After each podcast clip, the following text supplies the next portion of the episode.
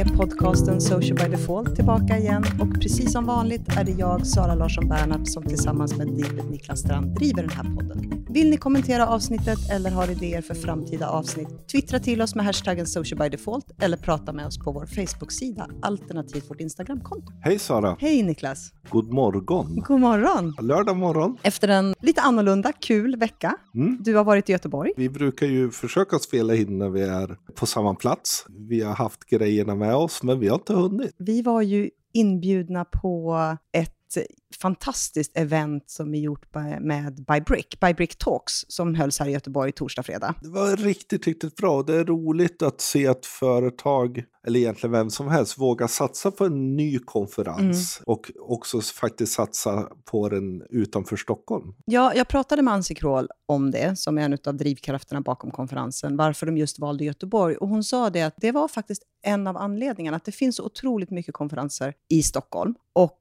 det finns en så stor upptagningsyta i andra städer att de faktiskt valde att lägga det här. Och med Mm. tanke på att det var fullt och med tanke på kvaliteten på talare och innehåll som faktiskt var på den här konferensen så måste jag säga att de lyckades över all förväntan. Verkligen. Det var en väldigt, väldigt bra konferens. Jag tyckte om två saker overall. Dels faktiskt att de hade nästan bara företag som var där, men inte pratade egentligen om företag så, utan de pratade egentligen om sina case, men de hade verkligen lyckats få dem att prata om någonting som gjorde att man kunde omsätta sitt eget liv. Mm.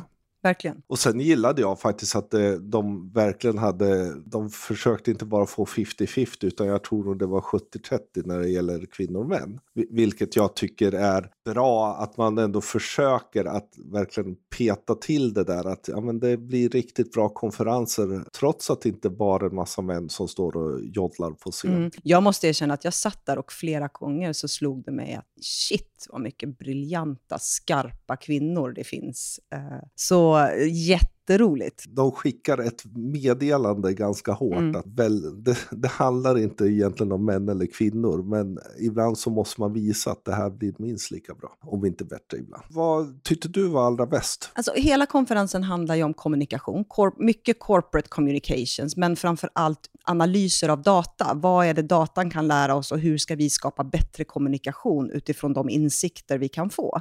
Jag jobbar ju på corporate com på SKF och tycker det är spännande både med intern kommunikation, men framför allt min passion sociala medier. Och en av de dragningar jag tog med mig som sitter fast och som jag kommer tillbaka till hela tiden, är egentligen ingenting som är nytt. Men det var AstraZeneca som pratade om hur våra sociala mediebeteenden även flyttar in i vår internkommunikation Mm. och hur de använde sig av Facebook at Work som intranät. Tidigare testat andra intranät och inte alls fått samma traction och genomslag förrän de implementerade det här, för att vi har en vana i att använda Facebook. Helt plötsligt så fick de ett intranät där väldigt, väldigt, väldigt många fler av, de sitter och är 60 000 anställda runt om i världen, kunde vara med och engagera sig. Och just eftersom Facebook då också har de här översättningsmöjligheterna som gör att språkbarriärer blev, blev inga problem. Jag blev både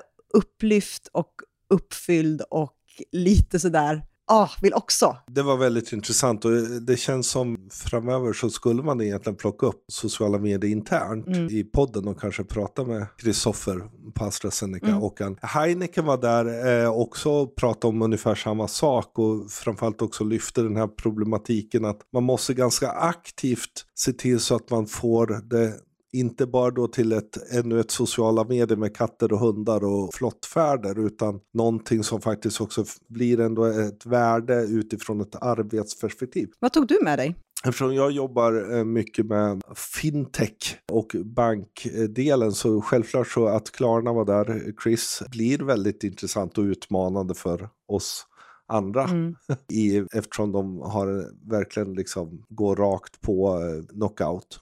Sen Collector Bank med hur de jobbar med CX var väldigt intressant även om det är så att säga, inte det jag direkt jobbar med. Nej. Men en av mina nuvarande stora så att säga, hang-ups eller där jag ser att det finns en väldigt viktig del. Det är ju någonstans att koppla ihop alla tåtar Mm. i SEO, socialt, internt, webben, men också då CX. Att, att det blir en väldigt viktig del för att få till den digitala kundresan. Och, så det var väldigt intressant hur de jobbar med datan där och, och hur de fick fram väldigt mycket av det. Nej, men det var kul, riktigt kul och väldigt bra konferens. Hoppas de kan göra den igen. För er som eh, inte riktigt vet vilka By Brick gå in och titta. Och framförallt kommer de lägga upp väldigt många av de här föreläsningarna öppet, berättar Dansi. Gå in och titta. Vi har inte länkar till det än, vi kanske lägger dem senare i show notes, men en riktigt bra konferens och ett antal väldigt bra föreläsare som är värda att titta på. På tal om konferenser så är det ju snart en eh, konferens. Det var ju lite kul för någon påpekade att ja, jag hörde att konferensen slog både webbdagarna och internetdagarna och då var jag ju tvungen att påpeka att ja, fast internetdagarna är ju lite bättre. Ja, lite större. Det är ungefär en, en månad kvar ganska precis till internetdagarna. Mm. Och den är slutsåld. Det pratade vi om senast också tror jag. Det ska bli riktigt, riktigt kul att göra den igen tillsammans med det. Ja, verkligen. Nu är det väl sjätte, sjunde året som, som vi driver och vi brukar ju alltid säga varje år att nu är det sista och sen så blir vi sugna på att göra igen. Ja. Vi får se vad som händer kanske nästa. Vi kanske inte ens får frågan nästa år. De där vill vi ta igen. Riktigt bra, riktigt bra spår i år. Och vi Mm. blev ju uppgraderade till en av de stora salarna, vilket Ja. också känns kul. Vi driver spåret digital moral och internetsetik och hoppas en del av er kommer på det. Och återigen sådär, för det var ju lite det vi kände på konferensen. Det är så jättekul om ni kommer fram och faktiskt hejar och säger åh, vi lyssnar på podden. Mm. För vi driver ju den här podden. Det här är ju vårt lilla egna hobbyverksamhet som vi gör på fritiden. Så det är jättekul om, om man kommer och hälsar på Ja. oss. Den här podden är ju också ett sätt för oss, jag menar du och jag pratar extremt mycket med varandra och vi lyfter saker med varandra konstant, saker som händer i kanalerna, förändringar, utmaningar. Men vissa saker känner vi är viktiga att även lyfta här, för vi gissar att många av er sitter med samma tankar, samma problematik och då kan det vara skönt att få veta att man inte är ensam eller ibland kanske få svar på det man brottas med. Åtminstone få några infallsvinklar ytterligare. Och lite utav det vi faktiskt ska börja prata om idag handlar just om en sån sak. Vi har tagit upp det i podden tidigare och det var nog ett, ett och ett halvt år sedan. Men någonting som vi brottas med just nu handlar om LinkedIn. Handlar om hur LinkedIn som plattform någonstans skjuter sig själva i foten när det gäller hur deras algoritm värdesätter eller straffar delat innehåll. LinkedIn handlar om kunskapsdelning. LinkedIn handlar väldigt mycket om relationer. Självklart finns det en rekryteringsdel också, men den ska vi inte prata om nu. Det som har hänt genom åren är ju att både personer, experter, företagsexperter och framförallt företag har blivit mycket, mycket bättre på att skapa innehåll som innehåller både kunskap, värde och kan ge nytta för både mig som privatperson, eller dig som privatperson, men också de kontakter som vi rör oss i. Men det vi ser är att så fort du delar en annan persons uppdatering så dör den delningen. Det vill säga att Mm. ingen ser den. Och det är ju ännu värre som vi ser när man delar en sidas uppdatering Mm. som privatperson. Eh, och det här blir ju ett problem då, för då har man ju hela idén li- ligger ju ändå och just att man ska dela. Och LinkedIn i sig lyfter ju, en- alltså de är ju kanske den mest virala plattformen. Alltså de, deras algoritm bygger ju väldigt mycket på viral spridning. Mm. Men då så fort det hamnar i de här delen så, så funkar det inte alls. Utan uppenbart premierar de bara native innehåll. Mm. Att du ska göra massa saker och sen ska det liksom skapa kommentarer och har sänkt delningarna eh, och inte sänkt dem till några steg utan i princip sänkt dem som Vasaskeppet. Ja, precis. Nej, för det, det blir ju problematiskt utifrån... Vi vet ju att det finns en, en ratio som heter 1,990. Ni har säkert hört om den förut. 1% är väldigt aktiva på plattformar. De skapar eget innehåll, de är aktiva i grupper, de är aktiva i kommentarer. 9% brukar agera eller reagera på det som 1%arna gör och 90% är rena lurkers, alltså de, de bara scrollar. Och LinkedIn, utifrån det perspektivet då att det bara är 1% som skapar, gör ju att om någon som är lite mindre bekväm i plattformen då delar någonting som någon annan har gjort och inte får någon som helst engagemang på det, så kommer ju de sluta dela. Det är ganska tufft att skapa eget innehåll. Det, är, det krävs ganska mycket att våga göra en personlig uppdatering, framför allt när man ska blotta sin kunskap eller sin profession. Och det innebär att steget från att vara någon som scrollar till att vara någon som faktiskt vågar dela är väldigt, väldigt stort. Och om du då mm. inte får någon bekräftelse på att när du delar andras innehåll, när du börjar bli aktiv, då kommer du ju sluta. Det är inte så att det är solklart att det alltid är så här, utan ibland så fungerar det och ibland funkar det inte. Det, det, det är lite så, så irreguljärt hur den fungerar och antagligen är det någon del i algoritmen som man då lyckas få slå igenom och slå över det här vanliga att man trycker ner delningar mm. och sådana saker. Och det här är ju problem, problemet med LinkedIn. Och framförallt tycker jag det är problem att sidor är ju ännu värre hanterade i algoritmen. Mm. Vilket jag, jag, jag, skrev ju en, en krönika i Resumé Insikt förra veckan mm. just om hur småföretag kan använda LinkedIn. Och för småföretag så handlar det någonstans om att gå in och faktiskt både jobba med sig själv som då person, ägare, vd, men också ändå ha en plattform som företag. Och jag menar, gör LinkedIn sådana här saker så blir det ju ännu svårare som litet företag med lite tid och framförallt inga pengar att då sponsra upp saker. Nej. Ja, och det här blir ju också utifrån det perspektivet, jag menar om du är ett företag och startar upp en sida, alternativt du har en företagssida, och vill få andra människor att faktiskt se det du gör, ja men då behöver du ju få dina anställda att börja dela. Men om de då delningarna helt enkelt dör innan de ens visas för någon annan, så kommer du aldrig kunna bygga din organiska följarskara. Och det urvattnar ju också hela grundtanken med employer advocacy. För jag menar tillbaka till det här då 1990, du kanske har 1% av dina anställda som vågar ta plats, som faktiskt får lov att ta plats och driva och skriva utifrån en, en expertroll. Men du behöver ju också engagera väldigt många fler av dina anställda. Och då är ju det ett enkelt sätt att be dem börja interagera och dela företagets postningar.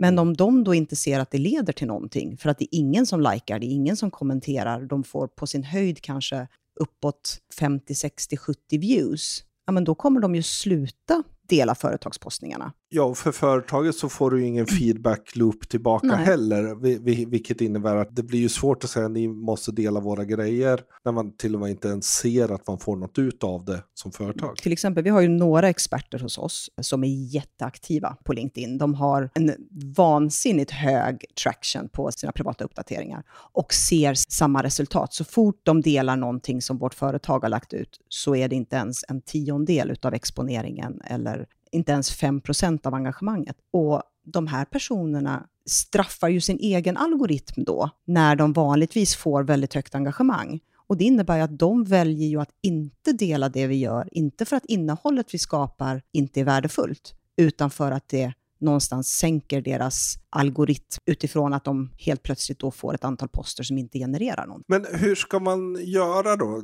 För här behöver man ju hitta någon sorts taktiska delar till LinkedIn. Vi har ju sagt att vi, vi tänker försöka faktiskt fråga LinkedIn mm. genom våra olika kontakter. Därför hittills har vi fått tyvärr icke-svar när vi har ställt frågan. Men nu börjar vi få så pass mycket data i mm. den då och väldigt, väldigt många upplever precis samma sak. Så nu förhoppningsvis förhoppningsvis kan de komma med någon sorts svar. Men tills dess, tills de har förstått att de gör fel. Vad skulle du säga är en bra taktik att ändå göra det. För jag menar att sluta posta på företagssidan är ju Nej, men det går ju inte. lite deppigt. Och man har ju traction. Mm. Alltså, du, du, har ju traction på er sida. Jag ser ju den sidan som jag har i närheten av mig att det finns ju traction. Det är ju bra traction när man gör native. Mm. Men vad gör man för att ändå öka den delen så att det inte bara blir organisk per post? Vi, vi utgår från att vi inte köper. För precis som du säger, jag menar, våra organiska postningar på SK SKF Group-sidan,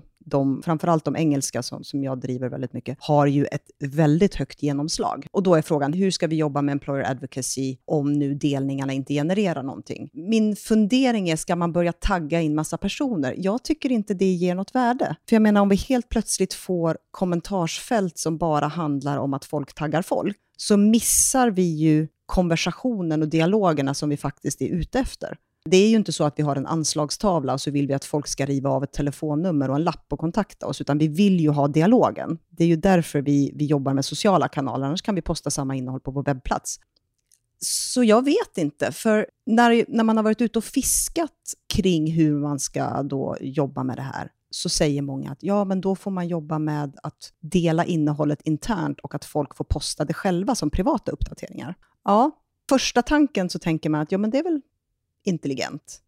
Men då vet vi ju också att LinkedIn straffar duplicerat innehåll. Så om vi då är 100 anställda på samma företag, uppdaterar sina privata LinkedIn-profiler med exakt samma uppdatering, så kommer inte det generera någonting heller. Alltså, där kan man ju tycka, ja men det är ju faktiskt ganska okej. Okay. Om du har samma caption och samma länk och så, då är det ju uppenbart liksom ett egentligen ganska svammigt beteende. Mm. Jag håller delvis med dig om, om pingningar. Mm. Sådär. Samt jag ser, jag ser flera i LinkedIn som faktiskt skriver en bra postning och sen i någon kommentar pingar in eh, personer. Du och jag är ju ofta mm. inpingade. Men då att man, vad tycker ni? Har ni tänkt på det här? Att man ändå någonstans skapar en, eh, vad ska man säga, man, man, öppnar upp en dialog genom en pingning. Inte bara ping liksom och sen en lång lista av folk. Det hela handlar ju någonstans om att man vill att vi ska se det ifall vi har missat mm. det. Jag kan tycka att den är, är som taktisk i det här läget. Okej okay, om man använder det med, med måtta. Precis. Det som vi samtidigt också har sett, som jag skrev en lång artikel om, är ju alla dessa nätverkstrådar. Sen tycker jag generellt, om man har viktigt innehåll som man vill nå och framförallt kanske också growth-hacka sitt konto, att få fler att följa då för att nå den här organiska. Så det är klart att köpt är en viktig del. Det man ska tänka på att LinkedIn är ungefär 3 till 4 gånger dyrare än Facebook per, per resultat. Målgruppsuppställningarna är lite svårare att jobba med. Självklart att ha det med i bakhuvudet. Vi håller på att konstruera ett mejl till våra kontakter, så vi får väl återkomma till det här om vi får svar som vi känner är valida för den datan som vi har, som vi har samlat in. Vi kan helt enkelt lägga den länken i show notes där du idag mm. ställde frågan och diskutera just det här under den. Därför, jag menar, ju mer kunskap vi som användare ändå kan samla på oss och data och sådana saker, ju mer lär vi oss tillsammans. LinkedIn eh, startade ju 2003. Det var länge sedan vi egentligen, vad är den nya grejen som är värt att prata om på sociala medier? Det var länge sedan det egentligen fanns något. Men nu finns ju någonting, TikTok. Ja. Och många är ju på oss liksom så här, ah, ni måste prata om TikTok. Alla borde vara på TikTok. Och känns som folk har längtat efter någonting nytt som ska vara det där eh, new and shiny att göra. Och faktum är att vi faktiskt en gång för länge sedan i podden, det här måste vara två år sedan, två och ett halvt till och med. Ja, det är nog minst Ja, pratade om TikTok, fast det då hette Musically. Anledningen till att folk har börjat bassa om TikTok igen då, det är ju att det faktiskt visar sig att det är världens mest nedladdade app just nu. Och det är ju ganska fascinerande. Och det finns siffror ungefär 500 miljoner användare. Ja, det är ju helt galet fortfarande en väldigt, mm. väldigt ung målgrupp, ska vi veta. Mm. Och ett av de få kinesiska plattformar som faktiskt har blivit stora i hela världen. Därför WeChat har ju inte slagit i hela världen, utan den är ju väldigt kinesisk. Mm. Men ska man hoppa på det här tåget som företag, alltså det är ju new and shiny och, och tänk, Snapchat fungerade ju inte för företag visade sig, alla försökte. Nu då TikTok, är det den nya svarta som kommer döda Facebook?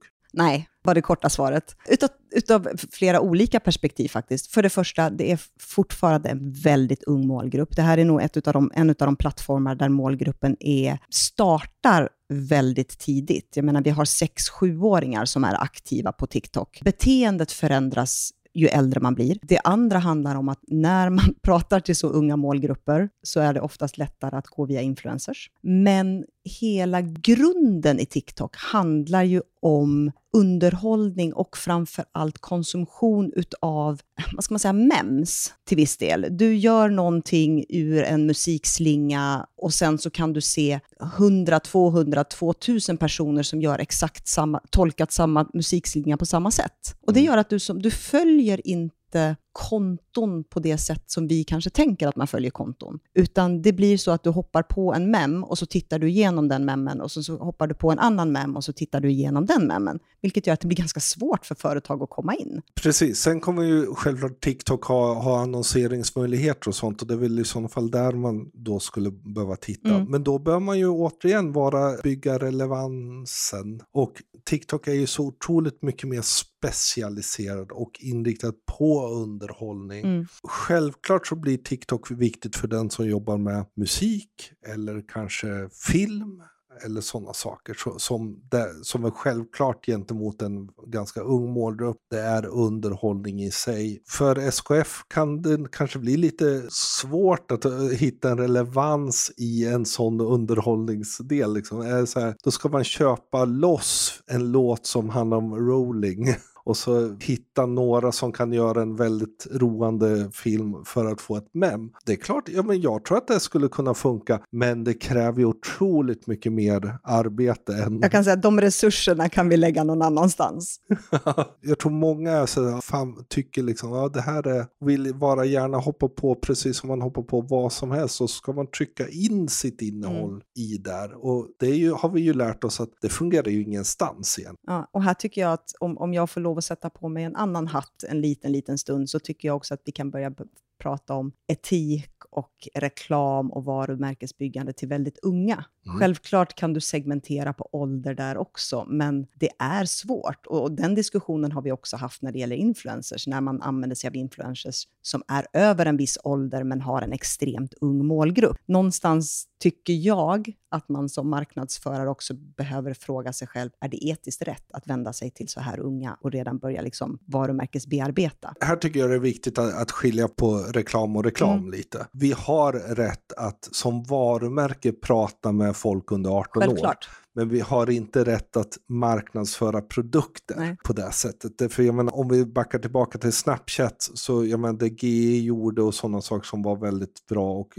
Mersk och väldigt mm. många, så handlar det någonstans om att faktiskt göra kunskap på ett kul sätt. Och det handlar ju inte bara om 18-åringar. Nej, men här pratar du ändå om företag som är inom business to business. Vi tittade ju även på McDonalds, vi tittade på Taco Bell, vi tittade på Starbucks. Mm. Och där är det ju, in, visserligen de kan hamna under att vi bygger ett varumärke, men det är ju oftast väldigt ofta produktfokuserat. Och i Sverige har vi en väldigt mycket hårdare marknadsföringslag, så här behöver man vara ännu noggrannare. Där tror jag det är viktigt att inse att, ja, självklart, har man någonting som ändå kan appellera till den målgruppen, har man möjligheten att göra någonting som faktiskt kan bli en mem i det här, eh, eller gå viralt, självklart, mm. då kan TikTok vara intressant. Men också att förstå att det är kanske den mest underhållningsinriktade plattform vi någonsin har haft. Ja, verkligen. Och jag tycker ni ska, om ni inte har laddat ner TikTok, så gör det. Skapa ett konto. Och om ni tyckte att Snapchat var svårt att förstå, ja men välkommen till to the jungle, för här är verkligen jätte jätteknöligt. Har ni barn i 12, 13, 14 års åldern så be dem visa. Ni kommer inte förstå något, men ni kommer ha väldigt roligt. Det finns två saker som jag tycker är spännande med TikTok också. Vi har ju Indien som en väldigt stor marknad och vi slåss ju med Bollywoodstjärnor och sånt som, som använder samma förkortningar i hashtags och så som vi har. Indien har en jättehög användning. Jag menar, hela deras kultur går ju ut på Bollywood-dans som gör mm. att de har haft en jätte ett jättehögt genomslag på TikTok. Det andra som också är spännande att se är hur användningen och beteendet förändras från att när du går in på TikTok och är ganska ung, så är du väldigt aktiv i att producera innehåll. Men mm äldre du blir och framför allt när du kommer in i liksom tonåren, när saker och ting börjar bli pinsamma, du måste liksom bygga ditt eget varumärke och så, så märker man att generellt så går man över ifrån att kanske skapa, men skapa i slutna grupper och stänga ner och spara ner på sin egen telefon och inte dela så mycket. Och framför allt, precis som du säger, konsumera. Titta, titta, titta, titta. För det är en oändlig uppsjö av eh, innehåll där som bara serveras. Det där hänger ju säkert ihop med också att många har vant sig att använda YouTube som sin primära kanal och där tittar man på film efter film efter film. Och så. så det här är ju en fortsättning av ett, en beteendeförändring mm. som vi har. Om vi går från TikTok, där framförallt generation Z då är den stora generationen. Och där vi också ser nu att YouTube, om, om vi fortfarande i och för sig mycket säger, men, men kanske behöver inse att det händer saker, att YouTube för företag inte längre bara kan vara den här arkivet, utan om man har lite yngre mål behöver börja titta på hur ska vi faktiskt öka YouTube-användningen, hur ska vi finnas där på ännu mer medvetet sätt än vi har gjort förut. Så ser vi ju att generation Z börjar bli en intressant grupp för oss att hantera mm. eftersom de börjar bli äldre och därmed komma in i liksom både konsumtion och även i employer branding nivå. Mm. Att de snart ska faktiskt ha jobb och en del av dem börjar skaffa jobb och börja läsa universitet och andra saker. Och då blir det ju intressant att fundera över andra plattformar. Och vad de vill ha framför allt. En av de saker som vi har pratat om mycket och som pratade på By Brick Talks var just bilder. Mm. Om man jämför generation Z med generation millennial som vi har pratat om tidigare, så har det här liksom retuschade, perfekta, lite ouppnåeliga varit någonting som har funkat. Medan vi ser hur generation Z idag söker väldigt mycket mer autenticitet. De vill inte ha de finputsade, slipade reklamproduktionerna, utan snarare vill se hur det ser ut idag. Liksom plocka den här liksom verkligheten rätt in i deras verklighet. Och det här ställer ju otroliga krav, dels på oss marknadsförare när vi ska skapa innehåll, hur ska vi kunna tillgodose liksom deras krav? Och framförallt börja fundera på bild och visuellt. Vad är det egentligen vi ska skapa framöver om vi vill kommunicera med generation Z. Evan Thomas från Naked var, var där och jag tycker en, han hade en väldigt intressant spaning just på generation Z. Där man, pratar, man ser den här pendeln som hela tiden slår fram och tillbaka. Från det perfekta där man tittar på en bild och drömmer sig bort till att se någon sorts autenticitet där man faktiskt kan identifiera sig mm med bilden och där pendeln nu går mot det autentiska genom att helt enkelt vi har varit så väldigt mycket det perfekta. Och då, då, tycker jag den intressanta utmaningen blir hur ser våra företagsbilder ut och hur ser våra bildbanker ut? Det är en jättebra fråga. Jag tycker att ser man på de flesta företags Instagramkonton, för det är en ganska en bra palett att titta på hur den, hur den visuella kommunikationen ser ut, så är vi idag fortfarande ett ganska välputsat utseende. Men vi ser också hur vissa företag som kanske har varit putsade innan börjar dra sig mer och mer mot det verklighetstrogna. Och det är svårt. Jag kan gilla det. Jag kan gilla Jag tycker att vi har sett det också om vi tittar på inrednings, alltså mäklarbilder som har gått ifrån liksom vitt och ljust och fräscht och bortplockat till att bli mer mitt i livet, där livet händer. Det finns ju dubbelhet i det här. För jag som är, eh, då tar bilder och, och gärna redigerar och eh, sådana saker och vi har i princip möjligheten att ta perfekta bilder i vår mobiltelefon. Och samtidigt så ser vi en väldigt stark trend att yngre fotografer börjar ta analoga, alltså de tar liksom, bil, liksom 35 mm bilder och framkallar dem och får vän. Eh, en av de senaste coola kamerorna som kommer från Fujifilm har då filter som då ska generera känslan av analog film. Det är liksom det stora grej och den, den, där, den kommer säljas som attan ett tag. Och det där tror jag är viktigt för oss som företag att inse att vi behöver titta på det här och inte heller mm. ha statiska bildbanker och hitta processer för att kunna ta mycket mycket mer bilder som, som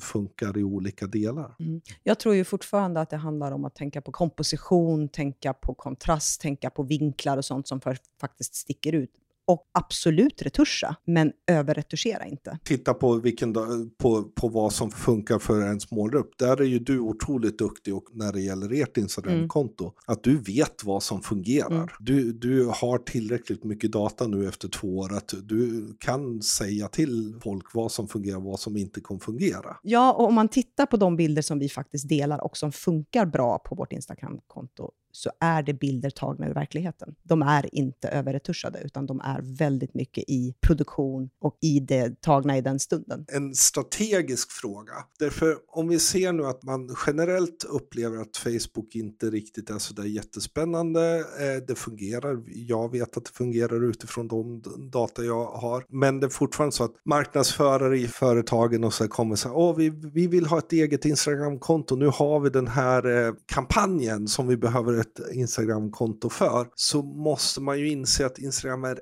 ännu svårare än någonting annat som vi har haft mm. att faktiskt få, få traction för, om man inte köper. Det här tror jag är viktigt att se ännu mer, det här att det är svårare att göra riktigt bra bilder. Det finns den här pendeln. Vi har inte de bilderna på samma sätt i, i våra företag som vi skulle behöva för att verkligen snabbt kunna då bygga en organisk tillväxt på ett konto som bara handlar om en kampanj. Och därför blir det ännu viktigare, tycker jag, den strategi som både du och jag har har ständigt påpekat. Ett konto, one brand. Ja, few but strong. konto. Och det märker vi också att det är det är fler och fler företag som tar det perspektivet. Och mm. inte bara på Instagram och utifrån ett bildperspektiv, utan också även det vi har pratat om innan. Det går inte att ha för många konton, det går inte att duplicera innehåll. Det går inte att duplicera innehåll på andra språk för att det finns fortfarande grundmekanismer som gör att plattformarna upplever det som samma innehåll. Och folk tenderar att vilja bli serverad en enkelhet. Söker man då, ta Instagram och du söker på ett företagsmärke och du inser att det finns liksom 78 konton, då vet du inte vilket du ska följa. Och då kanske du följer ett dött konto kontra liksom det kontot som företaget själva vill driva. Så det blir nog ännu viktigare framöver. Och framför allt mm. då, om vi tittar på generation Z, vad de söker. Det var väl där vi hade hade eh, idag egentligen. Mm. Så tack för oss. Vi kommer lägga in lite länkar i show notes och de hittar ni som alltid på podcast.socialbydefault.se. Glöm inte att prenumerera på vår podcast. Vi finns på iTunes, Soundcloud, Acast, Stitcher och Spotify. Det är bara att söka på Social by Default. Om ni gillar den, ge den jättegärna betyg, recensera gärna. Och som vi tidigare sagt, prata med oss. Hashtaggen är Social by Default. Vi finns på Facebook med en sida, vi finns på Instagram med en egen sida under Social by Default. Vill man nå oss och prata med oss privat så finns vi självklart på LinkedIn under våra vanliga namn. Och jag heter annars ett Deeped överallt. Och jag heter Sanna Siv LB överallt. Ha det gott! Hej då! Hej då!